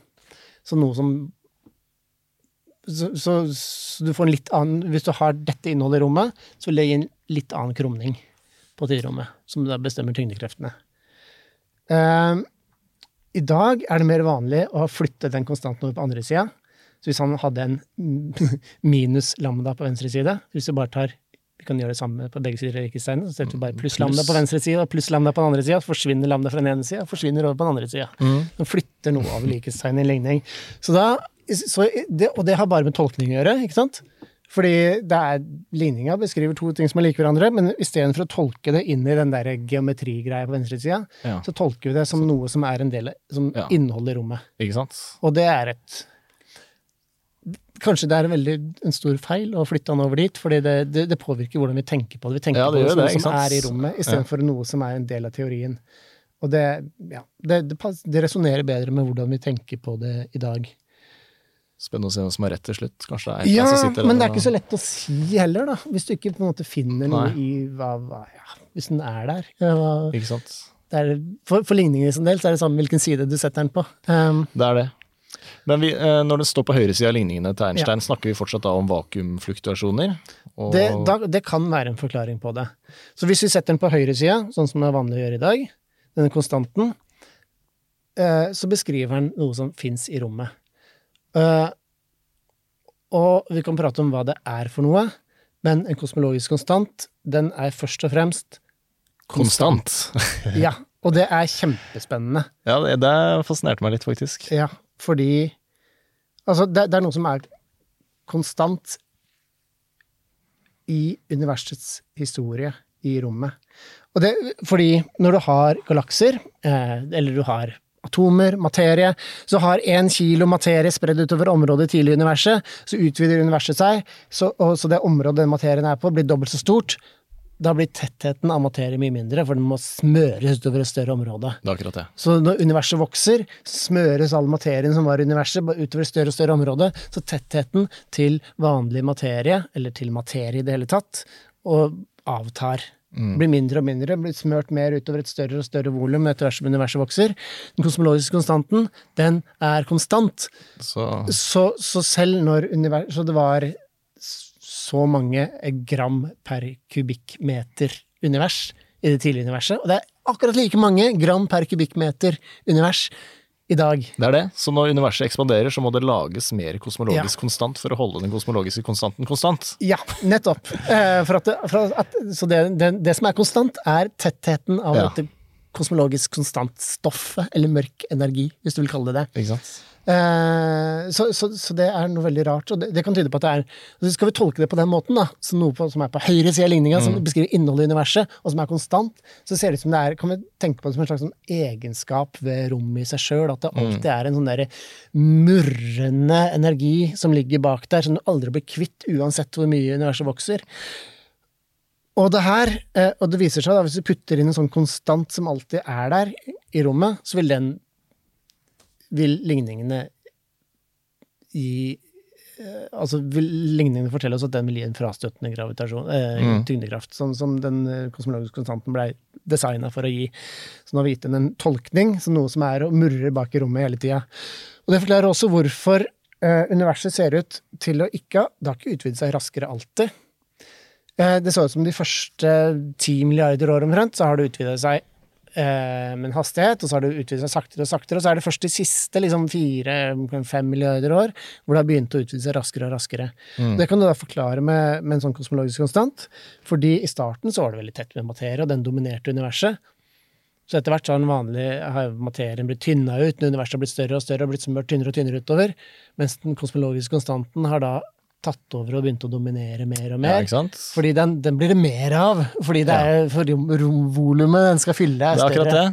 Så, så i dag så tror vi det da er 70% mørk energi, men i morgen er det kanskje 71. Ja, ikke i morgen, men om en stund. Jeg skjønner. To Ja. milliarder år, så er Så, det enda mer. så, så i starten av universet så var den mørke energien ubetydelig, fordi da var materien så tett samla. Um, Ja. Så altså, da den kosmiske bakgrunnsstrålinga ble danna, så var det altså, det, er, det er vokst med en faktor 1000, og så er det 1000 i tre. Så det er liksom en milliard ganger tettere med materie den gangen. Så da var den kosmologiske konstanten helt ubetydelig. Da tar den over etter hvert som det andre. Ja. Eh, som materien blir vanna ut. Det er akkurat det. Ja, ikke sant? Så det at den kosmologiske konstanten er konstant, det Ja. får noen implikasjoner. Nettopp Ja. det at eh, det blir mer av den i fremtiden, og så har det vært mindre av den tidligere. Ja. Prosentvis, i hvert fall. ja. Og da kommer vi kanskje til dette sammentreffsproblemet, gjør vi ikke det? At det er, hva er sannsynligheten for at akkurat i dag så er det nesten like mye kosmologisk konstant som det er mørk eh, materie? Ja, det er ikke akkurat like mye, men det er, jo, det er litt pussig, fordi ja, for en stund siden så var det liksom de- Verdens beste kosmologer kunne aldri funnet ut noe om noe mørk energi eller kosmologisk konstant, fordi den, var, den hadde ingen betydning, fordi Mm. den var så liten sammenlignet med den vanlige materien. Og hvis vi spoler liksom godt Kanskje universet skal vare uendelig lenge for alt vi veit, liksom, da mange milliarder år fram i tid, så vil den være fullstendig dominerende, mens nå er det liksom 70% 30 Det er, det er, Mm. Det er ganske, det er ganske likt. ja. Med, med tanke på at eh, altså, hvis det er to helt forskjellige ting, kosmologisk konstant, kan vi se på noe, liksom noe helt frikobla materien. Mm. Så det er veldig rart at de er Vi sitter her, og så er det liksom omtrent samme størrelsen, og de har ingenting med, med hverandre å gjøre, for er ikke den ene milliard ganger større. Ja, ikke sant? Det, det er sånn pussig. Ja. Og det, er, det kan jo kalles ja, eh, sammentreffproblemet. Eh, og så Og så har du vel du har, du har flere problemer. f- f- f- eh, finjusteringsproblemet. Ja, du har, ja og det, det kommer litt an eh, Det kommer an på hvordan du skal tolke den kosmologiske konstanten. Fordi vi, vi pratet om at det her var en slags sånn, kanskje en egenskap ved rommet, noe som alltid er der. Blir, får du dobbelt så mye rom, så får du dobbelt så mye kosmologisk konstant. Så det er liksom noe som bare murrer. Du alltid Har du en kubikkmeter med rom, så har du alltid den murrende, mørke energien i bakgrunnen. Og det kan forklares øh, ved um, noe som kalles kvantefluktuasjoner. Nå er vi dypt nede i hullet. Ja. Så vakuum Vakuum er ikke så tomt som man skulle tro. Ja. Det er umulig å lage perfekt vakuum. Fjerner du alt av atomer og sånt, så har denne kvantemekanikken med sine rare, uforutsigelige eh, konsekvenser gjør at sånne partikler og antipartikler kan oppstå og forsvinne i korte tidsrom og sånt. Men jeg nevnte vakuumfluktasjoner i stad. Er kvantefluktasjoner noe annet igjen? Vakuumfluktasjoner er eh, Nei, det er samme greie. Det er samme greia? Ok, ja. det skjønner. Ja. Eh, så så i, i vakuum så vil du alltid Vil du alltid ha en sånn boblende suppe av ting som oppstår og forsvinner i veldig kort tid. Så du vil alltid ha en sånn bakgrunnsenergi av ting, fordi oppstår det noe, så har det en masse, og masse er lik energi, er lik mc annen. Så du har liksom alltid en sånn eh, Forutsi kvantefysikken, en, en sånn murrende suppe i bakgrunnen, som stemmer veldig godt med kosmologisk konstant. Og det her er målt. Det er noe som heter Casimir-effekten, som sier at har du to metallplater for eksempel, veldig tett inntil hverandre i vakuum, så, så vil det hele tida eh, Og de er veldig tett inntil hverandre. Så mellom platene så er det ikke plass til så mye forskjellige typer kvantefluktasjoner, så der vil du få litt mindre typer partikler som oppstår. Men så ut på utsida så vil du ha hvor det er bedre plass, så vil du få mer ting som oppstår. Så vil du få mer stæsj på utsida av platene mellom, som, som vil føre til at platene presses litt mot hverandre. Det kalles Casimir-effekten. Um, og som har med sånne vakuumfluktuasjoner å gjøre. Uh, ja, det, det, det henger sammen med, med, med denne kosmologiske konstanttolkninga, i hvert fall. Og, det, og da har du da målt sånne metallplater som trekkes mot hverandre. Så det, er- det liksom den effekten av at vakuum er et boblende sted, det er målt eksperimentelt. Og så kan man bruke da denne kvanteteorien til å prøve å regne ut Ja, men da har vi en da har vi, Perfekt! Vi trenger et eller annet som bare er en egenskap for rommet. Vi har kvantefysikken som forutsier bare denne boblende kvantesuppa, som er et, eh, et en, eh, Som ligger og bobler bak i rommet. Og da får du eh, og så kan du regne, regner du på det her. finner ut, ja, hva, Da håper du at kvantefysikken skal forutsi at den kosmologiske konstanten er akkurat like stor som det vi måler i universet. Men så får du et tall som er 10 i 50 ganger så stort som det vi måler i universet. 10 i 50 ganger, da, det er ett tall med 50 nuller bak. Det er et helt ufattelig stort tall. som jeg, Fysikken har, er- jeg kan ikke navnet på det tallet engang, som er så stort. Ubarmhjertig fysikk. Ja. Så hvis vi skal se sånn kvantefysisk på det, så er det pussige er ikke at vi har en kosmologisk konstant, det er fordi det pussige er at den er så innmari, innmari liten. Ja. Så det vi ser eh, i laboratoriet, det kan ikke Ja. overføres til universet som helhet. For da Det er det et stort misforhold mellom det tallet vi ser Ja. og de Så vi har Det er et eller annet vi ikke forstår, så vi regner fullstendig feil. Ja. Eh, så vi forstår ikke hvorfor det tallet er så innmari lite. Betyr det at vi har regna feil, eller betyr det at vi kan forkaste hele den vakuumfluktasjonsteorien? Nei, de vakuumfluktasjonene fins, så vi har bare ikke Ja, ja, forstått det- helt hvordan vi skal- regne på det. Men om det er det som Ja, ok. Eh, så, vi, så den teorien er ikke god nok. Den er ikke god nok. Nei. Um, uh, så så det, det kalles kosmologisk konstant-problemet. At vi, vi, skulle vi forventer at det skal være en sånn kosmologisk Mm. konstant, faktisk. Eh, men vi forventer at den skulle vært mye, mye mye større. Det er Ja. problem. Og så nevnte du finjusteringsproblemet. Det er da at ok, vi forventer at den skulle vært mye, mye større, men hvis den hadde bare vært litt større, så ville ikke vi vært her og sittet og grubla på det her i det hele tatt. For hadde, det vært, hadde, hadde den kosmologiske konstanten vært ti ganger så stor, da Mm. Jeg husker ikke akkurat hvor stor den må være, men si ti ganger, si tusen ganger, si million ganger, i hvert fall mye mindre enn ti i 50 ganger større, så, hadde, så hadde universet begynt å utvide, utvide seg mye, veldig raskt, mye fortere. Og også før de første galaksene og sånt hadde blitt danna. Så istedenfor å få galakser og planeter og sånne steder hvor vi kan danne mennesker som sitter og diskuterer hvorfor den kosmologiske konstanten er så liten, så ville bare Ja. universet bare blitt en kjedelig suppe som aldri har fått danne noen ting, for ting hadde utvidet seg for fort. Så det er et slags kan kalle det ja. finjusteringsproblemet. Så den At, eh, faktiske kosmologiske konstanten som vi eh, observerer, den er ganske liten. Den er veldig liten. Bitte, bitte liten. Bare så Ja. for å presisere hva det er som burde vært større. Så Ja. er det når vi eh, tester dette i laboratoriumer, holdt jeg på å si, i laboratoriet, Ja. så, I hvert fall lignende ting i laboratoriet. Så, så får vi tall som er helt hinsides stort. Da. ja, eller når du prøver å regne på teoriene, da. Eh, vi har ikke testa akkurat det her i laboratoriet, men den Casimir-effekten med de metallplatene, det, er, altså, det er en effekt som også Poenget med den er at det, vi har faktisk målt at sånne kvantefluktuasjoner Eksisterer, eksisterer, eller de er målbare Ja, de er ikke overførbare til universet som helhet. De resultatene Nei, de får. Nei, de resultatene de får mellom to veldig tett plasserte metallplater, eh, de er ikke overførbare til universet som helhet. Og hadde de vært overførbare, så ville universet vært et sted hvor vi aldri hadde blitt danna. Finjusteringsproblemet. Så, så, så det er liksom et Det er vanskelig å vite hvordan man skal angripe sånne problemer, da. Skal Altså, en måte Det er jo åpenbart at det er et eller annet vi ikke har forstått i teorien. Um, Eller de som har regna på det, har vært Ja. litt fyllesyke, eller kan Og- og de ha regna feil. Og så er det veldig vanskelig å tenke seg at ja, men vi skulle fått et tall som er veldig stort, men så har vi gjort et eller annet feil, så tallet skulle vært veldig, veldig, veldig veldig mye mindre, men det skulle ikke vært null. Så Ja. en, annen, altså en vanlig måte å se på det på er at nei, men vi, altså Det er mer naturlig å tenke seg at vi har regna så feil at det er et eller annet i ligningene som bare nuller hverandre ut. sånn at Egentlig skal de kvantefluktuasjonene gi null bidrag, og så sier vi at den kosmologiske konstanten må være noe helt annet. Ja. For det er litt noe, slipper du å rote med med de kvanteberegningene som vi ikke får koll på. Det er det, men er, finnes det noen andre teorier der ute om hva den kosmologiske konstant kan være? Hvis det ikke er Ja, eller ikke den kosmologiske konstant. Altså, du kan jo flytte den over som Einstein gjorde på venstresida. Bare si at det er, ja, Det er tidrommet, det- At det er tidrommet krummer seg litt annerledes enn Ja. det, eh, enn det enn det man hadde trodd. Eh, Men så har du andre former, altså kosmologisk konstant på den måten her, som er bare en konstant bakgrunnssus i, i rommet. Det er én form for mørk energi. mm. Mørk energi er det også mange andre modeller for.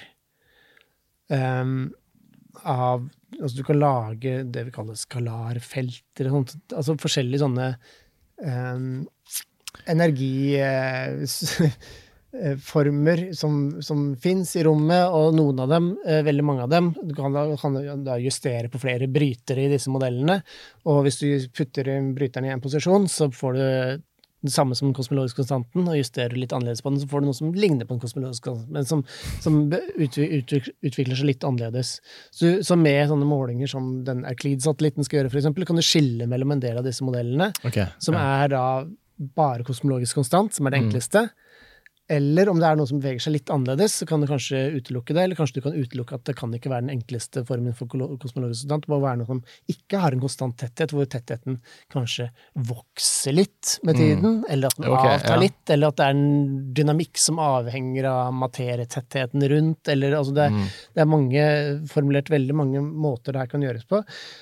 Du har teorier som ser på at vi har ekstra dimensjoner, at universet vårt um, inneholder flere dimensjoner som ikke vi kan se, men at tyngdekreftene kan lekke ut litt i andre dimensjoner, eksempel, som da påvirker tyngdekreftene på lang avstand, og du har Er vi over på strengteorien her nå? Er ikke det sånn der mangedimensjons... Jo, jo, ja, sånn sett er det jo Det her er ikke akkurat strengteori, men du, er, okay. du, er liksom, du beveger deg litt inn i samme landskapet Ja. med flere dimensjoner, men i strengteorien så er ofte de dimensjonene veldig små, sammenkrøllede. Okay. Eh, Her er det Her er det snakk om store sånne flak. Eh, Vi bor på sånt universflak. Så du kan, og hvor gravitasjonen lekker ut, og noe av det passer med du kan lage alternativer til Einsteins gravitasjonsteori, hvor tyngdekreftene oppfører seg annerledes på store skalaer. Så vi, alt stemmer veldig fint innen solsystemet, her vi kan gjøre sånne målinger på, teori, på detaljene i teorien. Men hvis du kommer på virkelig store avstander, så virker tyngdekreften litt annerledes. Sånn. Så du kan Ja. designe masse sånne teorier, og da trenger man da bedre observasjoner for å skille alle disse, finne ut hvilke av disse som er, eh, har noe for seg, og hvem som kan forkastes. Og det er det Euclid skal hjelpe oss med. Euclid er en av de som skal hjelpe oss med det. Vi er dypt nede i kaninhullet her nå, altså. Det er deilig. Skal jeg prøve å på en måte um, rydde opp i uh, mitt eget hode her litt. Uh, Den kosmologiske konstant, uh, det, det vi i hvert fall er sikre på med den konstanten, er at det er uh, Hvis det er kosmologisk konstant, så er det konstant. Ikke sant? Så tettheten er konstant. Det kan være vakuumfluktasjoner som forklarer den Ja. Eh, frastøtende gravitasjonen. Ja. Um, eller så kan man sette den på venstresiden av eh, Einsteins feltligninger. Ja. Og da er det et eller annet med egenskapene til selve tidrommet som gjør at man får denne frastøtende gravitasjonen. Ja. Eh, men hvis det ikke er kosmologisk konstant som forklarer universets akselerasjon og frastøtende gravitasjon, så har du dette som heter skalarfelt, som du nevnte, eller Ja. kvintessens. Kvintessens. Så holdt jeg på dette, men eh, Ja. Ehm, og så nevnte du også dette med eh, at man kanskje skal ja, rett og slett må endre på gravitasjonslovene. At de oppfører seg annerledes på de virkelig store skalaene kontra de små skalaene. ja. Cirka det. Ja. Og du har, altså, du har mange forskjellige teorier der. Og ekstra Eh, dimensjoner Men det er liksom også. kosmologisk konstanten, det er den enkleste måten, fordi bare alt er konstant, det er enkelt å regne på. Og det er, vi har liksom ja, at det er noe ved vakuum, og, og så lenge observasjonene passer veldig godt med den, Mm. eh, så, er det liksom, så har det blitt en sånn standard. Du Ja. kan finne på annet tull, men, men det er liksom den vi faller tilbake på, Ja. fordi den fortsatt stemmer godt med observasjonene. Ja, jeg tror Øystein Elgarøy trodde mest på den sjøl. Hva tenker du? Er du på kvintessens og skalarfelt, eller er du på konstantkjøret? Nei, jeg, jeg, jeg er på kosmologisk konstantkjøre, jeg også, ja. Ja, Nå var jo han, eh, han var veilederen min, da. ikke sant? Så Så du kan ikke si noe annet ikke sant? hvis han hører på nå. Nei, han har jeg, jeg har jo blitt hjernevaska. Det er akkurat det. Det er Øystein og Jostein og Einstein. Det er, Det er vi, har, vi har bursdag til eh, rett etter hverandre. Har du det? Øystein, ja. Jostein og Einstein? Ja, nei, jeg tror det er Øystein, Einstein og Jostein i den rekkefølgen. Ja. Der har du trio. Ja, Der har du gjeng. Det er litt av stigning i programmet. Men uh, blir ikke du frustrert da, når, ikke, når det er såpass stort misforhold mellom uh, observasjoner av uh, vakuumfluktuasjoner og, og teori? Jo. Nå er, ikke, nå er ikke vakuumfluktuasjoner og kvantefysikk og sånn, det er ikke liksom ikke Det er ikke det jeg har holdt på med. Eh, så jeg har jo jeg har jo vært gjennom de utregningene, hvordan det regnes ut og sånt, men jeg har liksom ikke den Jeg har ikke vært så investert i den biten av fysikken, så, jeg- så jeg kan, der kan jeg bare mer skylde på de andre. At Ja, de ikke ikke har klart å regne ut det der ordentlig. Altså. Men det er ikke- Skjerpings. Ja, ikke sant. Det er, ikke, for det, de, har- det er jo garantert regna feil, fordi det, den er jo ikke så stor Nei. som utregningene skulle tilsi. Ja, det er litt fint da, å vite det, at det er, eh, vi trenger bedre matematikere. Så kommer vi i mål til slutt. Ja, det er vel ikke matten, det er mer hvordan man skal forstå fysikken der, tror jeg. Det er hvor du skal sette integrasjonsgrensene dine og sånt. Eh, Jeg skjønner, jeg skjønner. Ehm, men det som er med, altså når vi snakket om mørk eh, materie sist, da, så er det jo Hvis jeg skjønte det riktig, så er det nesten bare et tidsspørsmål før vi finner det. Eh, det er Ja, Mest sannsynlig. Ja, ja. finner ut hva det er. Det, Det er store sjanser for at vi finner ut hva mørk materie er på et eller annet tidspunkt. Håper jo det. Eh, mørk energi. Det er litt være med. Det er ikke sikkert at vi eh, blir noe klokere i vår levetid.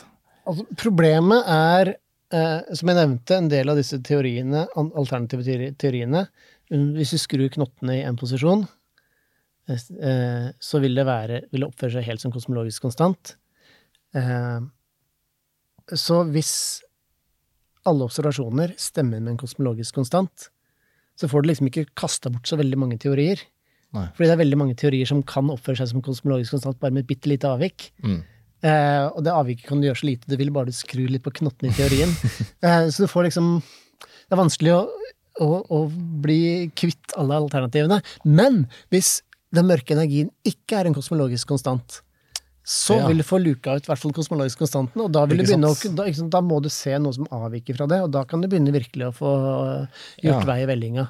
Så, så for liksom den eh, For eh, spenninga i eh, filmen sin del, så Ja. det er veldig greit når det ikke er en kosmologisk konstant, for da får du liksom Da får du kasta bort eh, Ja, okay. den enkleste, kanskje kjedeligste løsninga. Ja, bare luke bort den, og Ja, så og så seg kan du begynne å komme ramlende med store ekstra dimensjoner, Okay. Ja, da kan du begynne Ja, for det er der man må begynne, da, rett og slett. Finne ut om den kosmologiske konstanten, om det er det som forklarer det eller ikke.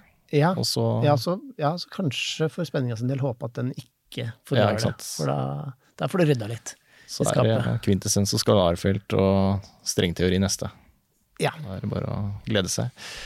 Skal vi ta en runde på universets slutt? Hvordan ender dette Det er naturlig slutt. absurde livet Ja. her? Ja, Uh, evig, evig utvidelse, er det ikke det det går mot? så hvis mørk energi er en kosmologisk konstant, så vil universet fortsette å utvide seg raskere og raskere i all evighet.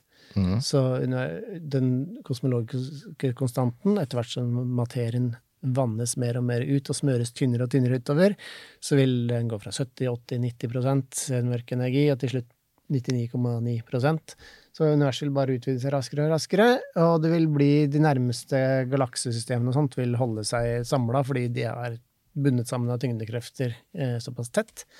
Mens mange av de fjerne galaksene vi ser, bare forsvinne ut av vårt synsfelt og horisont, og universet vil bli mye tommere og kjedeligere. Evig utvidelse. Evig utvidelse. Raskere og raskere. Og så har du noe som heter eh, the big crunch, at hele universet bare imploderer inn i seg sjøl. Ja.